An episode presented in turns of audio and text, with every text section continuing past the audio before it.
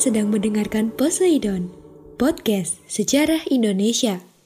Ngomongin masa lalu dengan gaya masa kini. Assalamualaikum.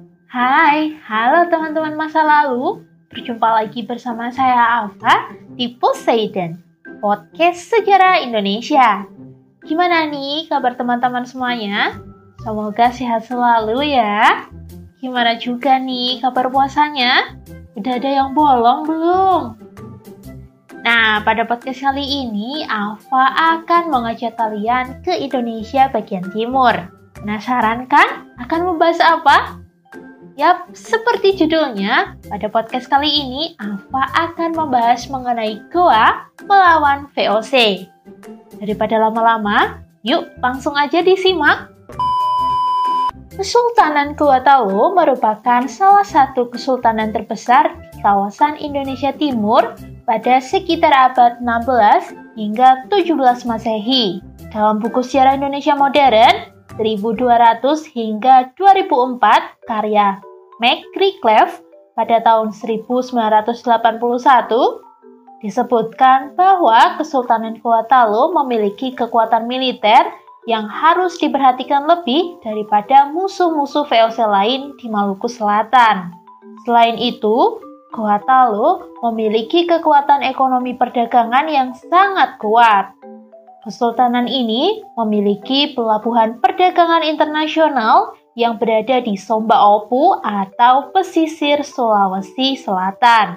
Kawasan Somba Opu dijadikan pula sebagai pusat pemerintahan Kuatalo serta kawasan yang menampung pedagang internasional. Kejayaan Kuatalo ketika berada di bawah pemerintahan Sultan Hasanuddin yaitu pada tahun 1653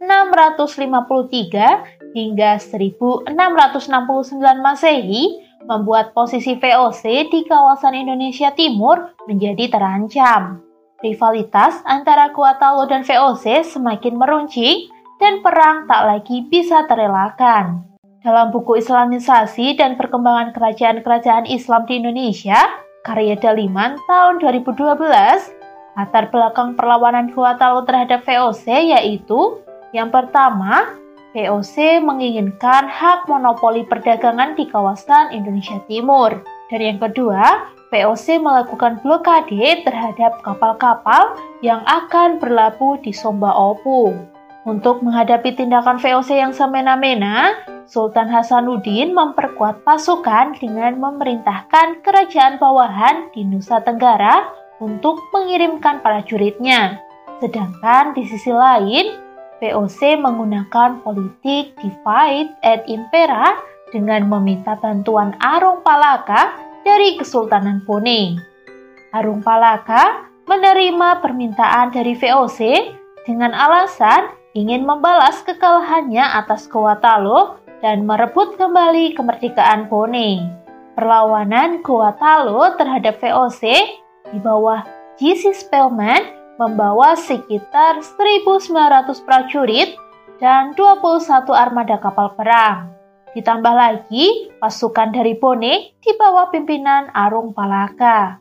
Pertempuran berlangsung sengit selama empat bulan dan Sultan Hasanuddin dipaksa menandatangani perjanjian Bungaya yang intinya berisi satu VOC diperbolehkan memonopoli perdagangan di kawasan Indonesia Timur. Yang kedua, semua orang asing diusir dari Kuatalo kecuali VOC. Yang ketiga, Kuatalo mengganti biaya kerugian perang. Dan yang terakhir, beberapa wilayah kekuasaan Kuatalo diserahkan kepada VOC.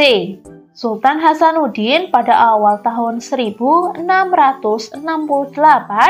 membatalkan perjanjian Bungaya yang sangat merugikan Kuatalo. Pada tahun 1669,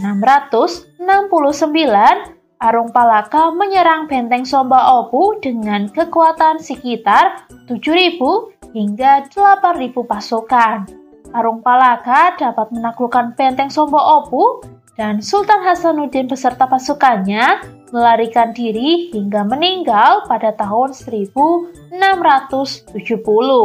Nah, bagaimana? Menarik bukan pembahasan mengenai Goa melawan VOC? Terus dengarkan podcast kami ya.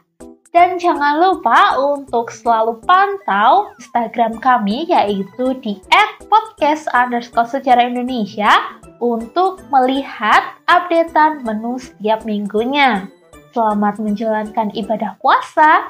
Sampai bertemu di minggu selanjutnya. Afa pamit. Wassalamualaikum warahmatullahi wabarakatuh. Terima kasih.